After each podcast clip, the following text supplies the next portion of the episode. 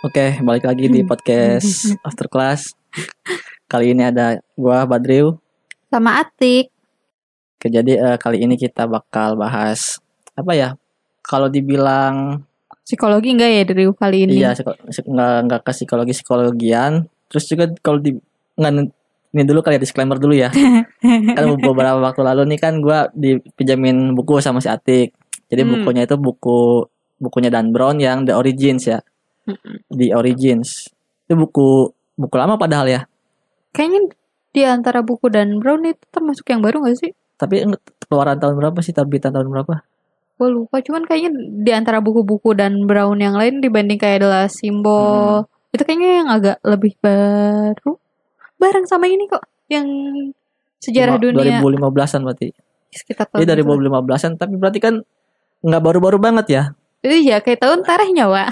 Ini kayak kalau ngebahas ini kayak ini gak sih kayak kita ke apa ya ketinggalan banget gak sih?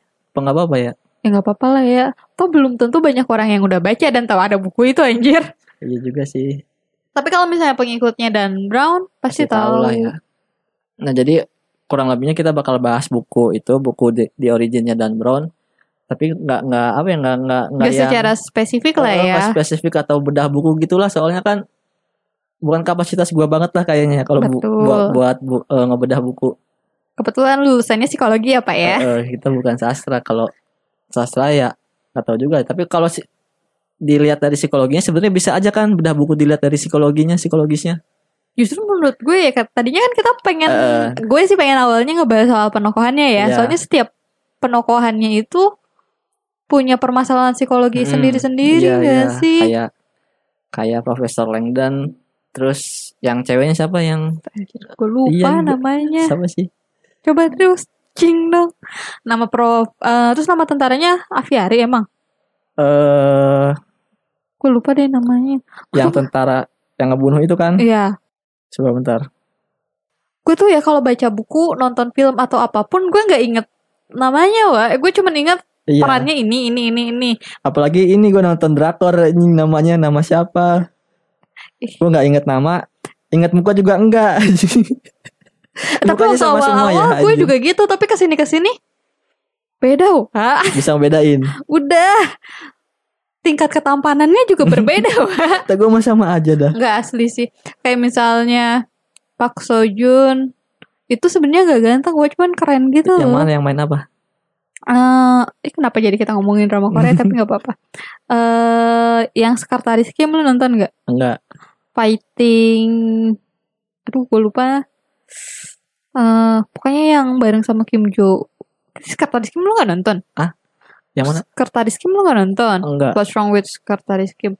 Terus, kayak gue semua dramanya gue ngikutin.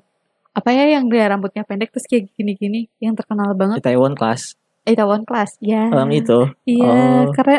Dia nggak ganteng kan, tapi keren kayak anjir nih laki banget di antara sama aja kata gue gue bingung bedainnya aja nggak anjir kalau misalnya pemain drama Korea yang lain tuh gantengnya rata-rata Eh. agak feminim gitu kan. Kalau dia Hmm. laki anjir. Kayak badannya juga bagus. udah balik lagi balik lagi nih Oke. ngomongin Korea aja Apa? ini eh, karakter di Dan Brown The Origin itu ada Ambra Vidal si Ambra Vidal yang perempuan ini Oh, yang cewek apa namanya Eh, direktur museum ya ya betul. Hmm, Ambra Vidal terus ada eh, Profesor Langdon Yup. terus Edmund Chris nih yang ini yang tokoh utama yang bisa dibilang bukan tokoh utama apa jadi eh, Center ceritanya lah ya. di- nah kalau kita ngeba- ngebedah satu persatu karakteristik atau psikologis karakternya Hmm. kayaknya kita bakal keteteran Karena banyak gua sih ya. kayaknya gua yang bakal keteteran Tapi lu mengakui kan tiap Apa? penokohannya bagus banget. Eh tapi Dan Brown tuh gak pernah gagal. Ya, iya, nah, ini apa namanya penulis gede kayak gitu mah gimana gagalnya maksudnya ya eh apa tadi lo mau bilang tiap karakter pasti ada Eh, masalah psikologisnya. iya kayak ini kan si Ambra Vidal dia eh apa ya punya penyakit gitu kan yang yang katanya dia nggak bisa punya keturunan Yang tentara kan dia tuh. Ambra Vidal yang perempuan Oh iya. museum Gua siapa sebenarnya. pangeran Spanyol Oh pangeran Julian iya, betul. Dia yang nemenin kan? Eh, iya Iya. itu iya anjir. Dia beneran kayak di drama-drama Korea sih tuh tiba-tiba jadi ratu gak sih? Terus Nah, ya itu yang gua bilang tadi kalau kita nge ngebedah satu persatu karakternya, kit- gua sih gua bakal keteteran. Jadi kayaknya sekarang kita bakal apa ya? lebih ke Eh, apa yang kita dapat dari eh, novel itu? Atau Pertanyaan pertama gue, apa? ketipu nggak Wak? Ketipu soal ini si pembunuhnya. Iya. Ketipu lah, jadi pasti gua gua apa ya si ujungnya malah ke ini ke siapa? Uskup Valdespino. Ya kan Iya, mencurigakan banget kan si Uskup. Valdespino. Ternyata dia ini. nutupin hal lain juga. Iya, ternyata eh kan. ternyata. Tapi emang kalau novelnya Dan Brown ya, kita udah tahu kita bakal ditipu nih. Kita udah nebak nih kayaknya ini Heeh. deh. Dan kayak meyakinkan bahwa tebakan kita tuh bakal Iya, iya. benar. Tapi pas di ujung-ujung, anjir, ketipu lagi. Kalau waktu gue baca novelnya yang Inferno, oh, lu baca gak sih Inferno? Belum, belum. Inferno baca juga gitu sih. Eh baca film, nonton film. Am, tapi nggak apa-apa ya ngelebar dikit. Di Hmm. antara semua filmnya menurut lu yang paling bagus apa? Film Dan Brown Inferno apa ada apa sih Da Vinci Code Inferno, S- Da Vinci Code, Code, sama The. Last Symbol kan? Yang mana ya lupa sih gue yang Inferno kayaknya lah yang ini kan yang Paling wabah baru. itu kan wabah Iya. iya yang Tapi lu tahu kalau misalnya endingnya tuh beda banget sama novel. nggak tahu gue belum baca novelnya Iya, eh gue punya kan bukunya terkapan-kapan gue nah pinjam. iya gue kemarin mau pinjam buku lagi Intinya kan gimana ya? Gue nonton dulu filmnya, jadi gue udah berekspektasi dong. Ternyata novelnya beda banget. Kalau filmnya Dan Brown itu ya mungkin karena norma-norma juga akhirnya Iya, banyak heeh. yang tidak sesuai dengan novelnya. Hmm. Kayak sebenarnya si serum yang di bawah airnya itu Iya. kalau di novel eh di film kan itu terselamatkan ya. Hmm. Kalau di novelnya enggak dong. Emang beneran kita dibuat jadi gak punya keturunan malah gue tuh tadinya Oh. mikirnya si siapa tadi gue lupa Amdal ya. Si Amdal Amra itu Vidal. Eh, Amdal digabungin. Amra Vidal jadi Amdal. Ya pokoknya si Amra Fidal ini salah satu orang yang kena dari si virusnya itu. Ternyata emang Hmm. ceritanya kan gak nyambung ya antara Iya. satu novel ke novel yang lain. Sementara kalau di Inferno adalah simbol sama yang lain itu Angel and Demon anjir Angel and Demon gue juga nonton tuh nah di Angel Terus? and Demon sama di Inferno tuh agak nyambung tuh kejadiannya si grafik ceritanya Mm, soal si Langdon itu punya masalah sama uskup di Pantikan kan. Heeh. Inferno juga kayaknya ada scene itu deh, iya, iya. kalau nggak salah. Nah, ternyata kalau misalnya yang origin tuh beda banget. Gitu. Jadi apa nih yang lu dapat, Trio? balik lagi ke origin ya Banyakan intro kalau ya, Wak? eh, kalau gue ini di, di pas baca di origin di awal-awal Hmm? gue ngerasa ini apa namanya ya takjub gitu ke si Edmund Chris Ih, sih, tapi wah Edmund banget ya Chris penggambarannya sih. takjubnya gini loh karena pas ini pas si Profesor Langdonnya masuk ke ke museum ke pameran itu kan dia dikasih earphone gitu kan Iya. dikasih earphone terus ada pemandunya nah kan gua kira kan pemandunya emang Manusia. emang- apa ya namanya ya emang customer service Iya. dibilang kayak gitulah ya kira manusia Ternyata kalaupun nggak manusia gua kira ya emang cuman AI AI simple yang apa ya yang ngikutin Oh, iya. ngikutin gerak si Iya pengguna iya aja iya gitu iya lah iya ya. Ya kan Kalau taunya kayak ternyata- Google Voice lah ya. Iya kayak gitu kan katanya ternyata gila AI. banget Edan, Edan Tapi- Bang gitu Ke- ada nggak sih orang kayak gitu ya di dunia asli ya Kayaknya ada sih. Kok Yang malah curiga Mark Zuckerberg itu gak sih? Dia punya Mungkin data kita ya. semua dan dia itu punya sumber daya untuk ngelakuin Iya, sumber daya yang- itu. yang bisa Kalau misalnya dia gitu gila dikit bisa sih, Wak. Tapi kayak emang Iya. udah gila. Rata-rata ilmuwan tuh gila kenapa ya? bisa jadi kayak siapa ya kayak Elon Musk itu dia pintar juga nggak sih apa kayak doang Elon Musk pinter lah, Wak. Gak Iya sih. mungkin kalau ya ada nggak ya orang-orang kayak gitu gak kayak maksudnya anjir gitu se- maksudnya Tapi kenapa? Yang gue bingung ya, mungkin karena itu kali ya kecemasan mereka itu udah bukan soal duniawi, lebih ke arah tujuan dunia itu mau dibawa ke mana. Hmm, hmm. Dan hampir di semua novel, enggak sih, dua novel terakhirnya Dan Brown itu dia lebih ngejelasin tentang keresahan dia soal overpopulasi. iya Gak populasi. sih?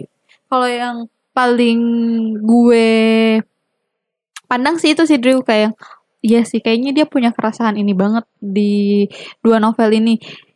Mungkin dia nggak punya keberanian buat ngelenyapin kayak di film Inferno, tapi kayaknya dia punya keinginan itu sih.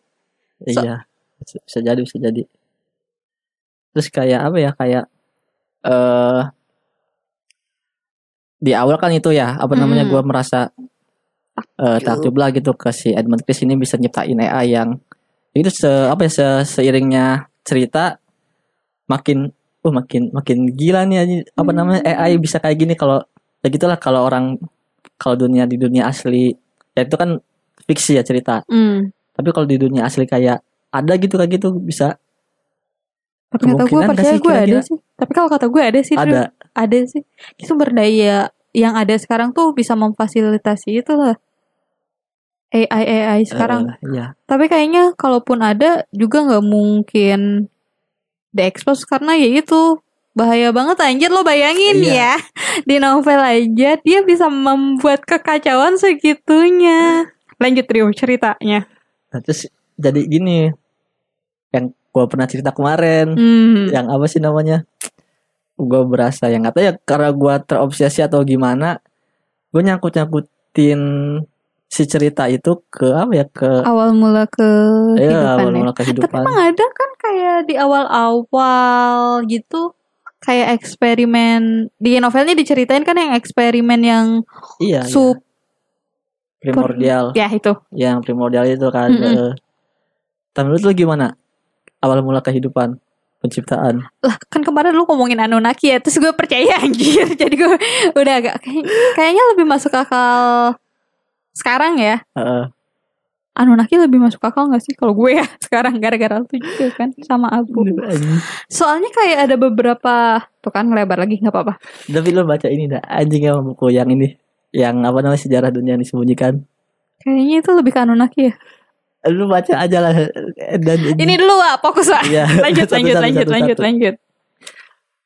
Eh, jadi se apa ya se gue lagi baca buku itu bu- buku apa namanya origin. Hmm. terus ada YouTube YouTube eh, channel YouTube yang gue subscribe kan ya biasalah apa Hmm. namanya eh Kudu gembul ya kalau dibilang konspirasi nggak nggak juga sih sebenarnya nggak nggak terlalu Tapi konspirasi, konspirasi. Tapi itu ada pembuktian ilmiahnya sih yang si susup. Itulah. ya uh, subprimordial Iya. Nah, terus nah si chan- channel ini eh, judulnya judul thumbnailnya itu eh gimana kalau ternyata Tuhan menciptakan manusia untuk menjadikan manusia Tuhan yang baru Bisa jadi. Itu kayak, apa ya kayak Eh tapi kayak takabur ya Wak dosa gak sih? Gak apa-apa lah ya. nah iya itu jadi kayak Lanjut Wak Badru setelah iklan lewat. tadi sampai mana sih Tadi Supremo subprimordial bukan Primordial. sampai Guru Gembul Gembul, bikin eh. konspirasi bagaimana kalau misalnya manusia itu ya diciptakan untuk Tuhan. Mungkin bukan Tuhan yang baru, tapi iya sih. Karena kan Al-Qur'an multi tafsir nih ya. iya Wak. eh, Kan emang manusia diciptakan untuk khalifah kan. Jangan-jangan khalifah yang di sini yang dimaksud itu kan ya bisa ditafsirkan Eh, macam-macam kan. iya Jadi apa yang lu dapet Wak? jadi gini Oh, cari tahu lah. Gak enak ngomongnya dari kecil soalnya itu gue takut salah. Jadi Nggak apa-apa, nggak apa-apa. Lanjut, lanjut. ya ada ada kemungkinan gak sih kalau emang Tuhan menciptakan manusia untuk menjadikan manusia Tuhan yang baru? Ya kayak itu aja Edmund Chris kayak gitu. Yang Dia nyiptain AI kayak gitu kan. Jadi gara-gara lu ngomong gitu gue mikir iya sih Soalnya kan taps, Ya itu tafsir kan Iya. Al-Quran kan bisa ditafsirkan Yang jelas manusia memang jadi Khalifah di muka bumi Iya. kan Itu jelas Nah khalifah yang di sini Dan definisi Tuhannya yang kayak gimana Nah, ya Yang- Tuhan. Nah, Yang iya. ngatur sih Iya ya Semakin ke sini malah semakin Ya kayak ini aja si Edmund Chris dia udah bisa nyiptain AI yang emang inilah AI ya. terprogram banget sih. inilah apa namanya dulu kan eh lu sadar gak sih kalau dasar dasar dari sistem komputer itu Kecerdasan manusia. Kecerda- eh, kecerdasan kecerdasan AI lah AI ya. Kecerdasan buatan itu kan dari sistem komputer ya sistem Hmm. sistem masih komputer. Nah si dasar sistem masih komputer ini kan kode biner Yang Ya, bentuknya betul. 0101 itu kan. Betul. Artinya kan 0101 itu artinya iya dan tidak, Iya, benar dan salah, betul. baik dan buruk. Ha-ha. Dan Terus terdengar familiar belum sama penciptaan manusia? Yang manusia yang makan buah buah kuldi tentang Oh. Ya kan? Iya ya. familiar gak sih? Iya. Tapi kan itu konsep sederhananya ya, Wak.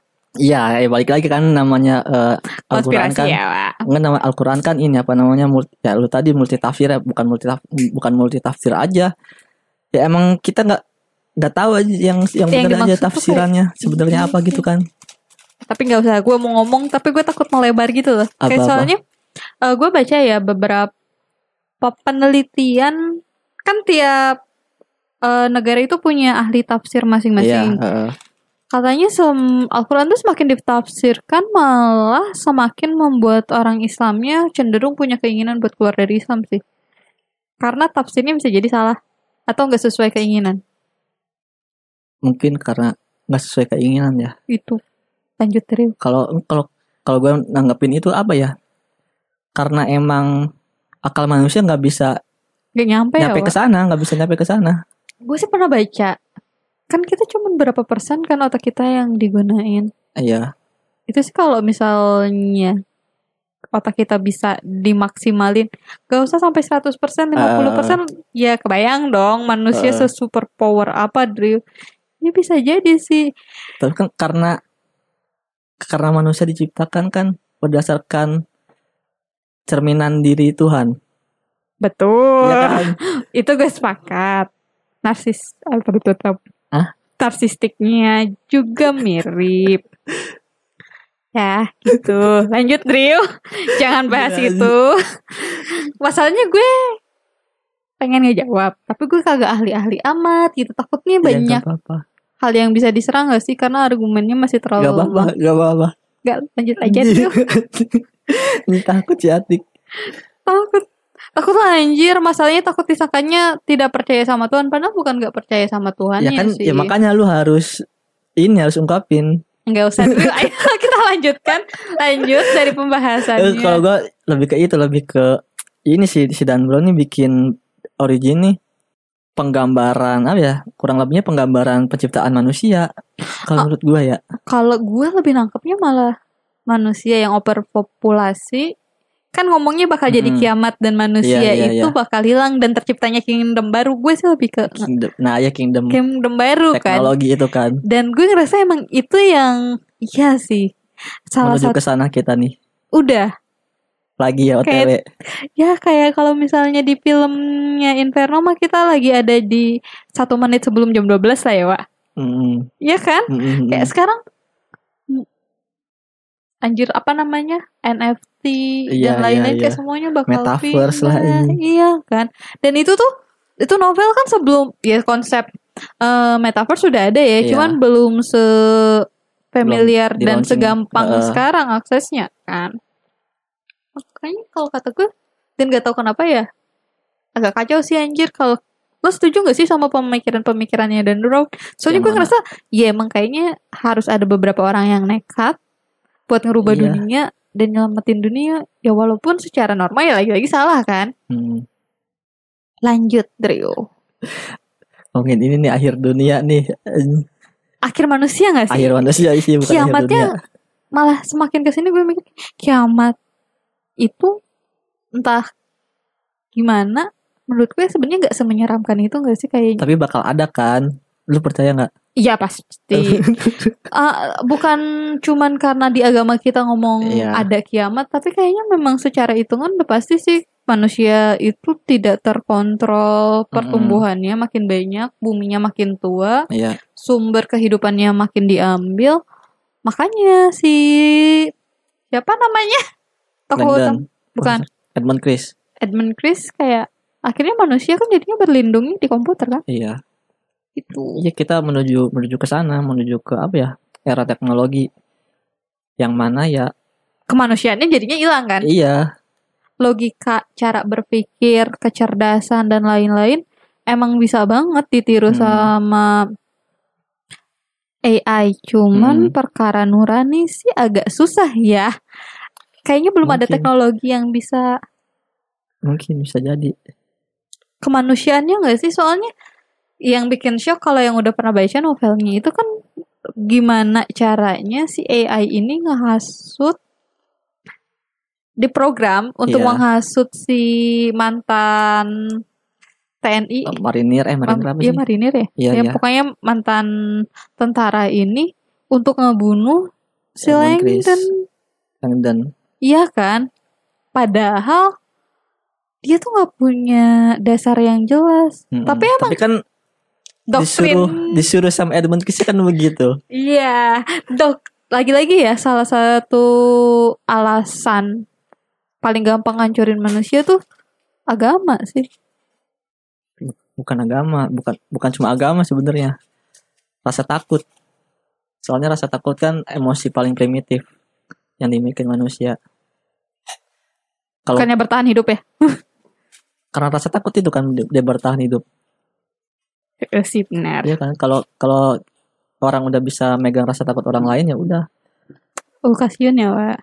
Iya soalnya Duh anjir gue lupa tadi mau ngomong apa ya? dan dan banyaknya takut itu eh agama itu biasanya gini sama hal-hal yang menakutkan Iya. Oh iya, Aduh, karena bener kan, kata si Ustadz nih udah ngomong nih Ustadz. nih. Ya Pak Ustad Gak gaya monyet Setiap rekaman pasti dia bakal bonus ASMR sih.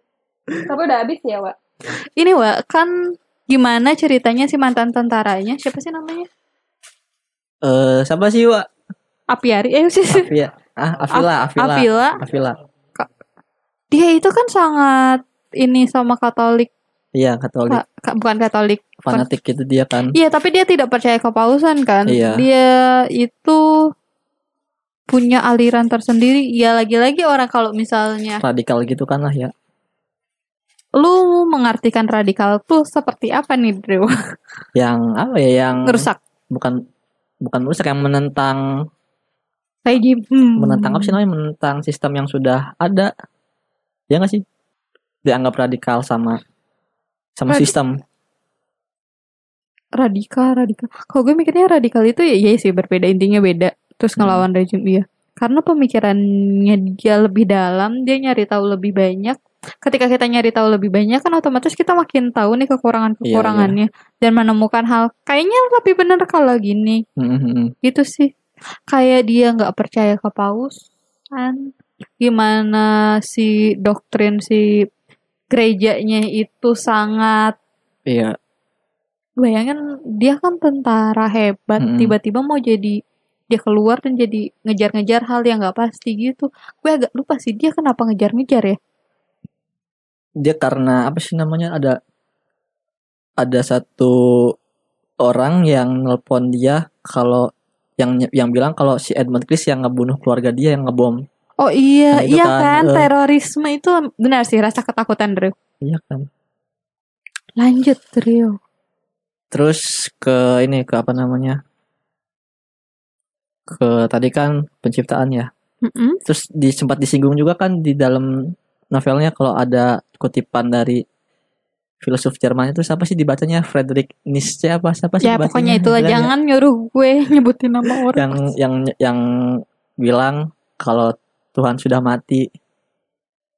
Iya kan? Friedrich Friedrich Nietzsche, Nietzsche apa siapa itu dibacanya ya? Kayaknya dia era-era ini ya setelah kegelapan ya. Iya. Oke lanjut Drew. pokoknya gitu kan kutipannya kan eh Tuhan sudah mati dan kita yang ngebunuhnya manusia yang ngebunuhnya Iya lagi iya. ya kan Kayaknya iya deh.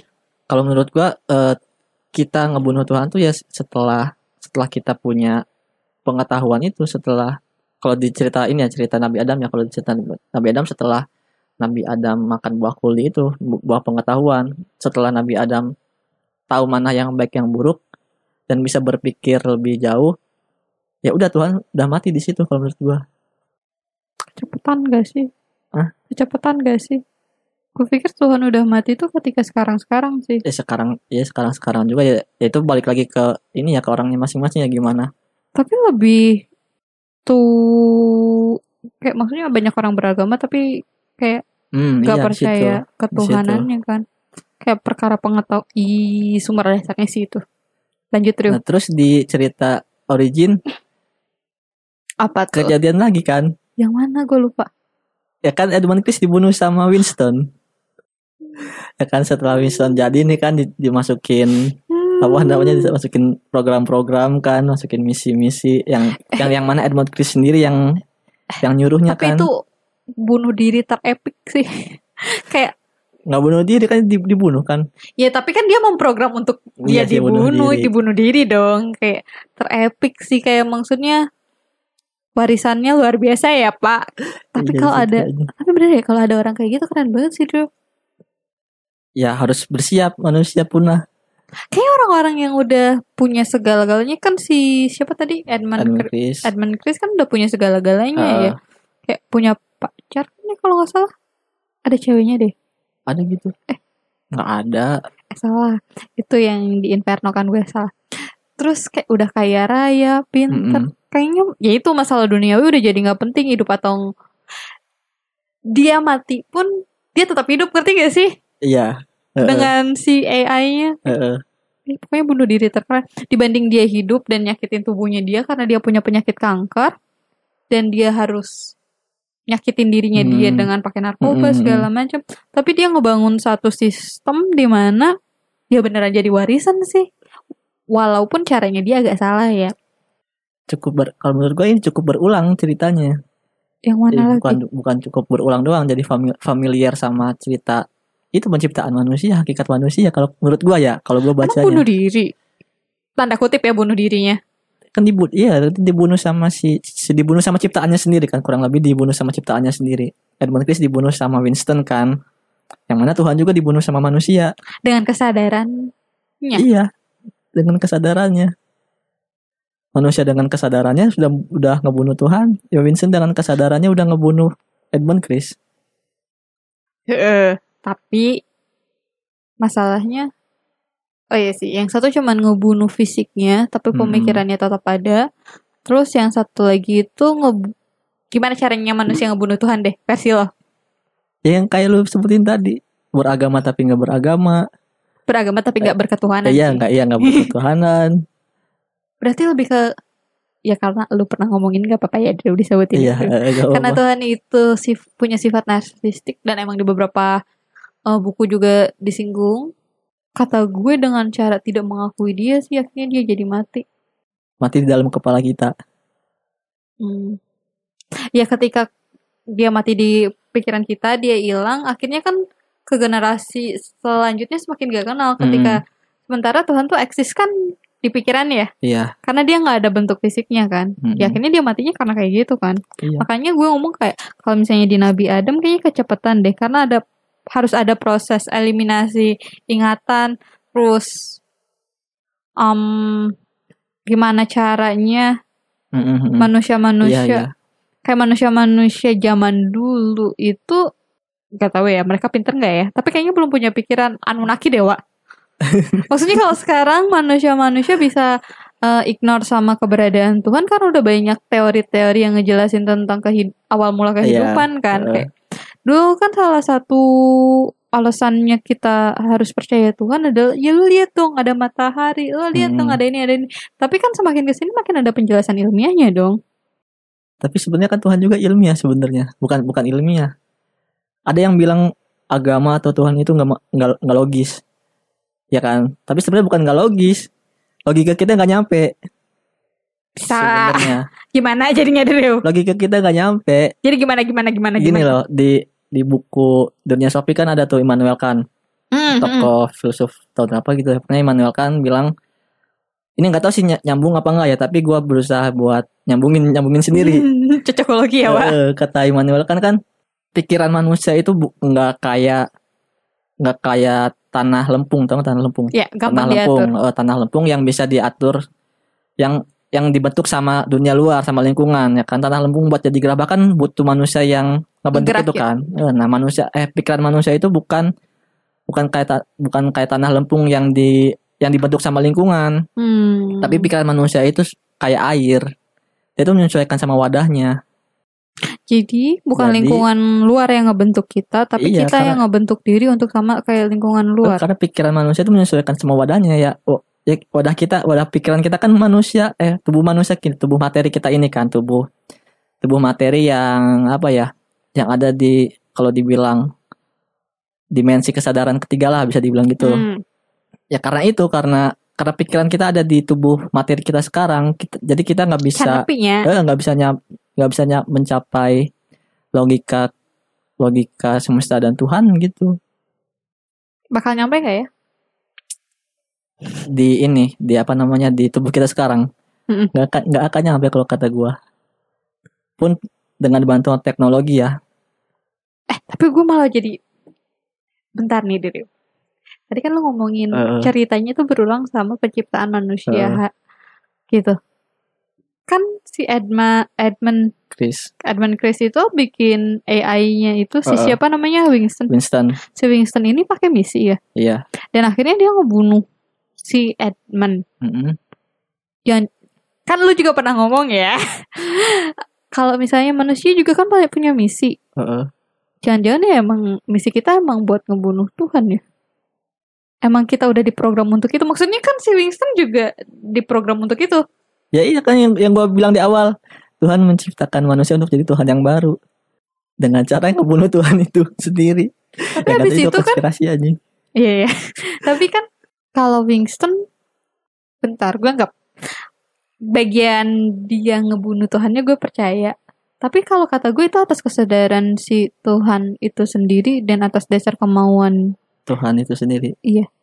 ya mungkin gak sih. Pokoknya intinya kita kayaknya emang ditakdirin. Kalau gue ngomong kita cuman jadi mainan doang. anjing hakikat manusia di Ya kan lagi. kayak si Winston juga kan cuman kayak istilahnya mainan dalam tanda kutip kan. Dia Iya. diprogram eh, dia yang awalnya dibuat ngebantu ya. si Edmund Chris. Ternyata karena Edmund Chris punya sumber daya yang segitu luar biasanya akhirnya bisa diprogram bisa melakukan apa pun. Tapi ketika si Tuhannya mati juga belum tentu si Winston ini bisa berbuat sehebat ketika masih ada si Edmundnya ngerti Hmm. gak sih? iya iya. Jadi emang sengaja si Tuhan bukan si Tuhan si Edmund Chris ini buat ngancurin gak sih? Ya untuk melenyapkan kingdom manusia itu spesies manusia sih dan Iya. menciptakan kingdom baru. Iya ya tapi kan bisa bisa jadi tapi eh misi yang Edmund Chris kasih ke Winston kan sub, gimana caranya si apa hipotesis atau presentasi si Edmund Chris ini muncul Hmm. naik dan ditonton sama banyak orang kan? Itu kan misinya kan sebenarnya kan? Tapi si Winston yang dengan kesadaran yang udah dikasih sama Edmund Chris ngebaca itu ya udah tok gimana caranya si apa namanya si presentasi ini naik dan dilihat sama banyak orang ya kan akhirnya kan si Winston kan dengan eh, pengetahuan dan kesadarannya sendiri ya bikin presentasi-presentasi yang luar biasa dan Yang luar biasa. ya. yang akhirnya mana yang akhirnya malah berakhir ngebunuh si Edmund Chris ini sendiri. yang gue tangkap ya kalau gue Oh. salah tolong diluruskan bukannya emang Edmund Chris itu ngeprogram dia harus mati pada saat itu karena penyakit yang dia punya ya bukan apa ya logika AI logikanya si Winston akhirnya supaya presentasinya lebih menarik dan ditonton lebih banyak orang akhirnya dia bunuh tapi ya emang dia mau mati di hari itu dengan gaya aja Nggak tahu gue kelewatan nggak ya? Ada kelewat nggak ya? gue sih ngerasanya gitu ya kayak emang sengaja nggak sih si siapa namanya Edmund Edmund Chris. Chris mati bikin konspirasi ya dengan kematiannya dia eh, bunuh dirinya dia dengan Hmm. gaya akhirnya kan malah semakin meledakkan si pemikirannya dia kan secara nggak langsung dan ternyata ketika informasi itu disebarkan dan banyak orang yang setuju juga kan Heeh. gue lupa isi presentasinya apa Drew bukan lupa sih tolong dong jelasin isi presentasinya apa Isi- Drew Presentasinya kan ya itu tadi apa namanya?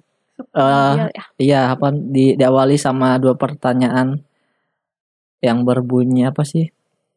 Eh, dari mana kita dan mau ke mana kita? Iya. Nah itu kan dari yang mana? belum pernah ada yang ngejawab secara jelas Iya, ilmiah dan masuk akal kan iya. Itu dari mana? Dari mana kita dan mau ke mana? Intinya hakikat manusia lah ya kan? Bisa dibilang hakikat manusia hmm hidup di bumi. gue kenapa kebayang yang mereka tiduran di padang terus keren banget ya lanjut Rio Ya itu dari dari pertanyaan itu terus berlanjut ke itu penembakan terus penembakan terus akhirnya kan eh, presentasi lengkapnya kan Oh yang mereka itu Eh, kejar-kejaran nyari ujungnya ya eh, karena nyari- belum selesai. nyari kan? password hmm, Oh, nyari password. password komputer itu Hmm. kan terus akhirnya kan yang yang dari mana kita kan udah dijelasin tuh yang apa namanya subprimordial itu ya kan bikin penelitian eh, dengan apa sih namanya kimiawi kimiawi yang ada Iya. di bumi itu kan tapi kan ternyata gagal tuh dia Tapi kan dijelaskan juga kenapa gagal. Ternyata nggak cuman unsur doang, tapi Iya, karena waktu butuh juga. waktu sama butuh ini butuh tangan Tuhan buat nyiptain kehidupan Oke, emang butuh tangan Tuhan buat ya buat ngasih sentuhan kehidupan lah ya. sentuhan kehidupan ngasih nyawa lah gitu kan emang butuh tangan Tuhan terus berlanjut Oke, ke akhir tujuan manusia tujuan manusia sebenarnya Edmund Chris nggak nggak tahu tujuan manusia ke mana cuman dia eh, dia yakin apa bahwa ya? manusia bakal ngitung-ngitung ya kita ngitung-ngitung kan sama ya sama apa namanya dengan data-data terus yang hitung-hitung lah pokoknya gitu. Gua nggak tahu gimana hitung-hitungnya Yang pasti nggak pakai Excel ya. eh, dia pakai komputer lah gimana super komputer gitu kan. Hitung-hitung dan ternyata kemungkinannya itu kemungkinan yang paling besar itu ya manusia bakal Punah. bakal punah dan digantiin sama teknologi ya kan eh digantiin teknologi atau jadi Kita bergabung menjadi iya teknologi. kita gabung sama teknologi jadi android gitulah Iya. iya kan yang gitu gimana menurut lo ada kemungkinan gak sih Udah, kayak tadi gue bilang, OTW kayak kayaknya emang manusia jadi tidak manusia dan akhirnya cep ngebunuh Tuhan lebih cepat ya. Kayak 10 tahun terakhir ini pembunuhan terhadap Tuhan itu lebih sadis. Mm-mm. Gak sih menurut lu? Sama kayak ceritanya persis loh. Cerita apa? Kayak penggunaan agama secara radikal terus-terusan untuk jadi tem- tameng Mm-mm. eh, dengan dalih itu adalah kebenaran yang mereka Iya. percayai. Ternyata justru mereka salah dan ngebunuh orang yang sebenarnya nggak salah.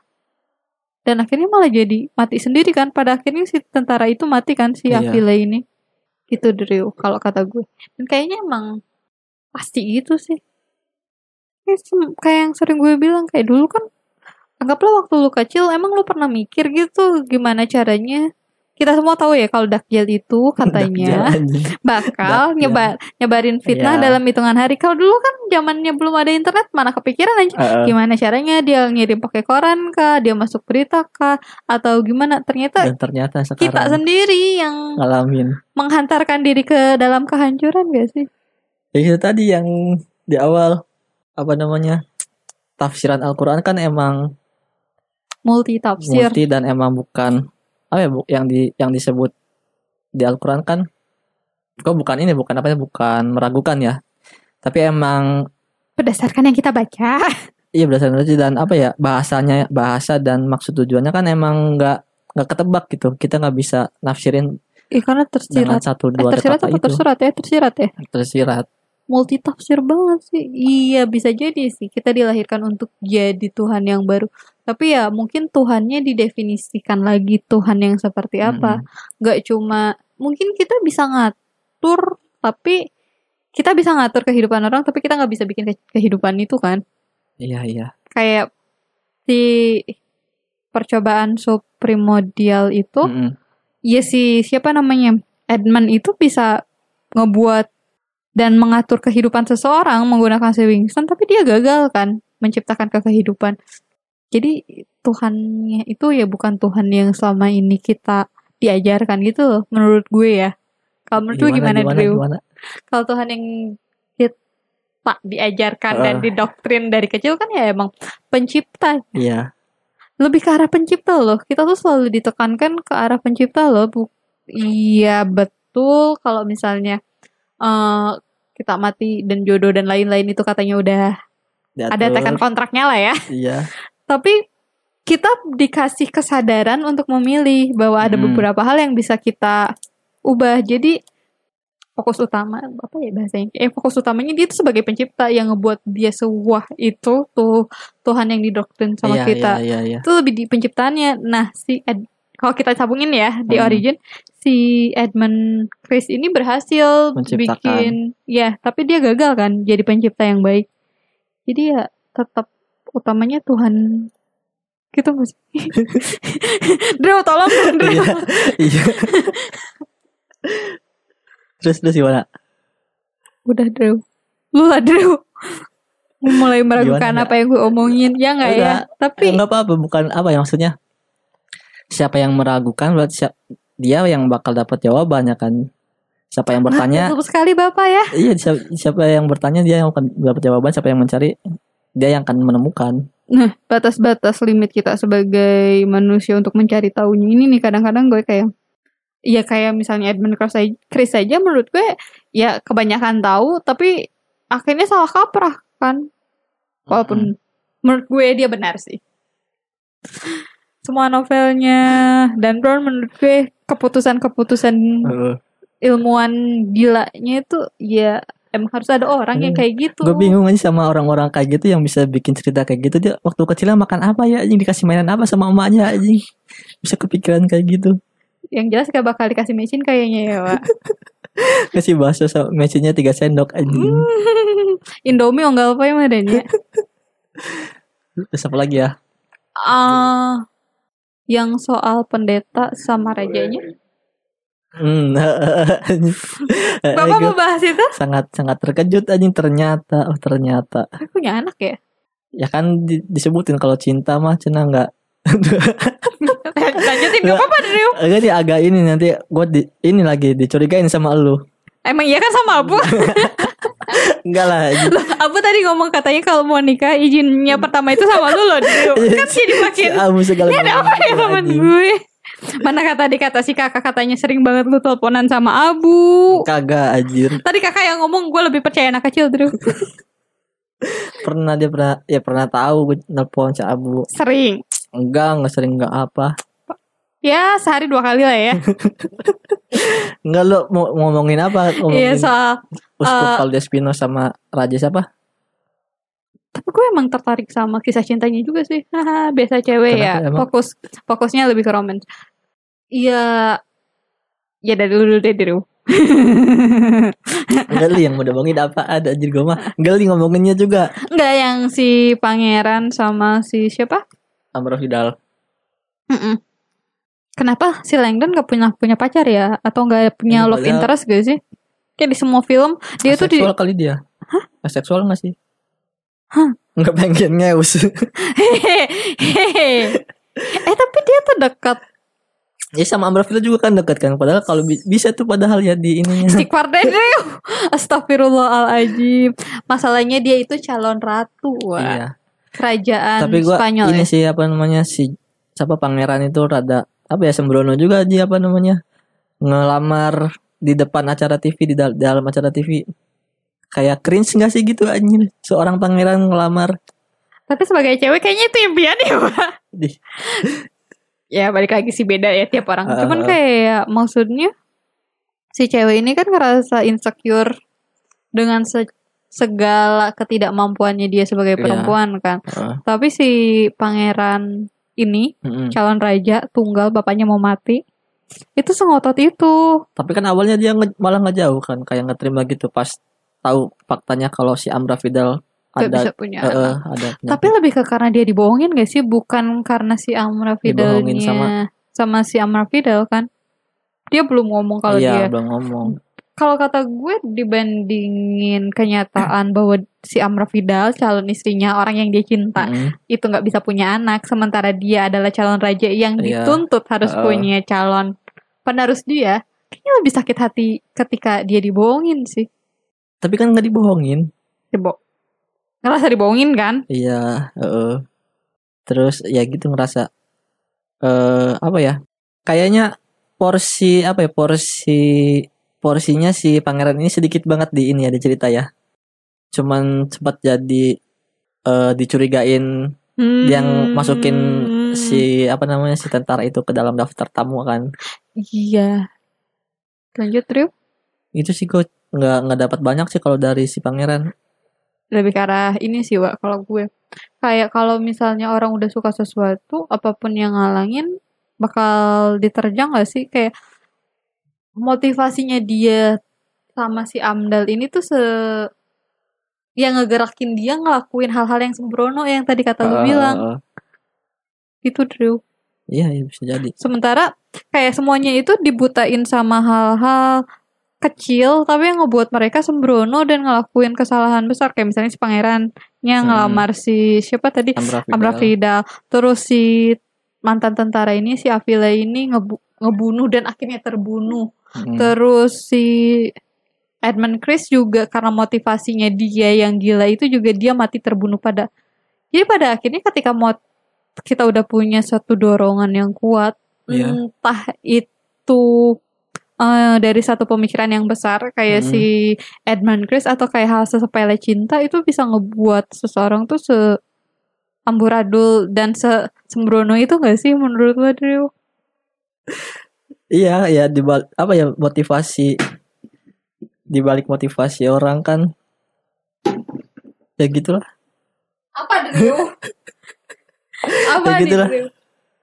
Tapi satu-satunya yang menurut gue nggak punya motif untuk melakukan banyak hal dan berkorban banyak itu sebenarnya Mister eh si Longdon sih. Ngapain dia ikut-ikutan gak sih?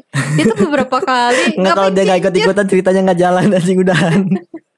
Tapi maksudnya harusnya dia punya motivasi yang kuat gitu. Kalau yang lain Eh, nggak harus kuat sih. Maksudnya ada motivasi dorongan kenapa dia harus tahu. Selain dia house in akan keilmuan ya si iya, Longdon. iya. Kayak ngapain Kan sih anjir? kayak dititipin pesan gitu kan amanat sama si kan sebelum acara presentasi dimulai kan dia dibawa ke satu ruangan khusus private gitu kan Hmm. yang masuk ke dalam apa sih namanya silinder eh silinder apa apa sih gitu masuk ke Iya, iya, gitu gua kan, tahu. gitu kan, situ. Kan dia diamanatin diamanatin itu kan dia Ya tapi ngapain sih? Dia kan udah sering nih berulang kali ini mau mati gitu. Ngapain lo tuh berulang kali ya kalau ngelakuin gitu nggak ada ceritanya dik nggak nggak jadi bukunya Ya maksudnya kayak yang gue salah satu yang paling apa ya? Paling ngebekas Eh, di diri gue yang lain tuh punya motivasi lu doang ngapain sih? Kayak yang lain tuh kalau misalnya berkorban nyawa worth it. Karena mereka memperjuangkan Eh. sesuatu ada dorongan yang ngebuat dia ngelakuin itu. Hmm, bahkan ketika si Pondeuta ya apa sih? Uskup uskupnya ngelakuin dan mengasingkan bab rajanya Iya. aja itu dia punya motivasi karena dia Eh, secinta itu kan sama iya, si iya, rajanya. Dia segitu mengagumkan si raja dan gak mau mencintai si raja. Ya. Sangat ditekankan ya. Eh, dan gak mau kekurangan si raja ketahuan kan Hmm. makanya diasingin nah, ini si Langdon tuh ngapain Drew ya kalau nggak gitu nggak nggak jalan ceritanya tik. Ya betul tapi kayak motivasinya yang paling nggak ada tuh dia sih menurut gue Hmm. pokoknya dasarnya itu kan intinya kalau orang udah iya iya ada pemicu Mm, mm, mm, mm. semua orang pasti bakal menggila sih Iya iya setuju. Ya, intinya gitulah ya walaupun ini emang cerita ya emang fiksi ya. tapi kok berasa nyata Iya gitu soalnya Badru itu katanya baca separagraf seminggu ya Drew perenungannya ya Drew Gue baca itu berapa hari ya 22 hari apa berapa gitu gue hitung-hitung. oh cepet lah lumayan tebel kan Lumayan ya, ya gitu apa nama ceritanya ya seru gitu gue bisa ngikutin ceritanya. karena pembahasannya terlalu ngawur dan melebar ke mana-mana Iya nih, kita di ini dipotong jadi dua bagian ya. Episode ini bakal kita potong jadi dua dua apa sih dua Bagian. bagian dua dua part. ya dua part karena yang satu lebih fokus ngomongin novel Oh, yang satu laginya kita ngomongin